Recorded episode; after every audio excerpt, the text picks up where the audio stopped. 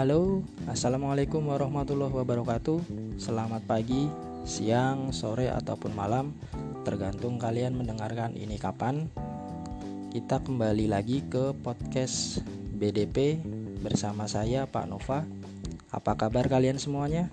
Semoga baik dan sehat-sehat saja ya.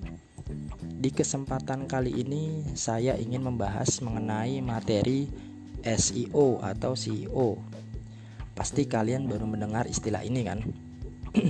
Yap, CEO atau Search Engine Optimization atau dalam bahasa Indonesia pengoptimalan mesin pencari. Di sini kita memakai Google sebagai mesin pencari ya.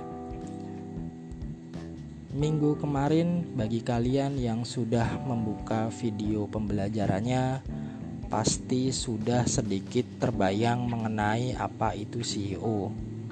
Jadi, dalam dunia internet itu terdapat banyak sekali website atau blog ya. Bisa ratusan ribu bahkan jutaan jumlahnya. Nah, kalian juga pasti sering browsing-browsing di Google tentang sesuatu kan.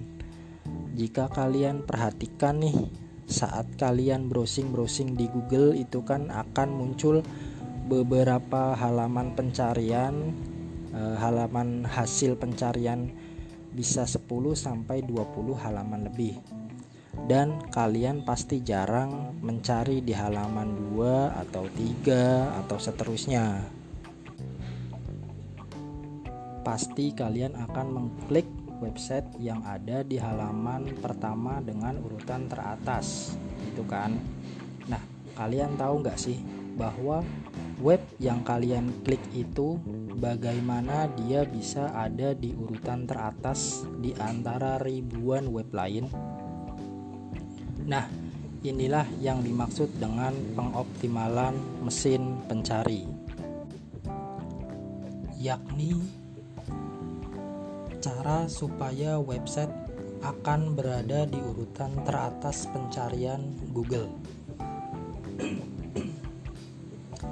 Jadi, kalau kita tarik kesimpulan, pengertian CEO adalah sebuah teknik atau cara atau strategi yang digunakan untuk mengoptimalkan website agar berada di peringkat teratas mesin pencarian dan juga untuk menaikkan traffic website.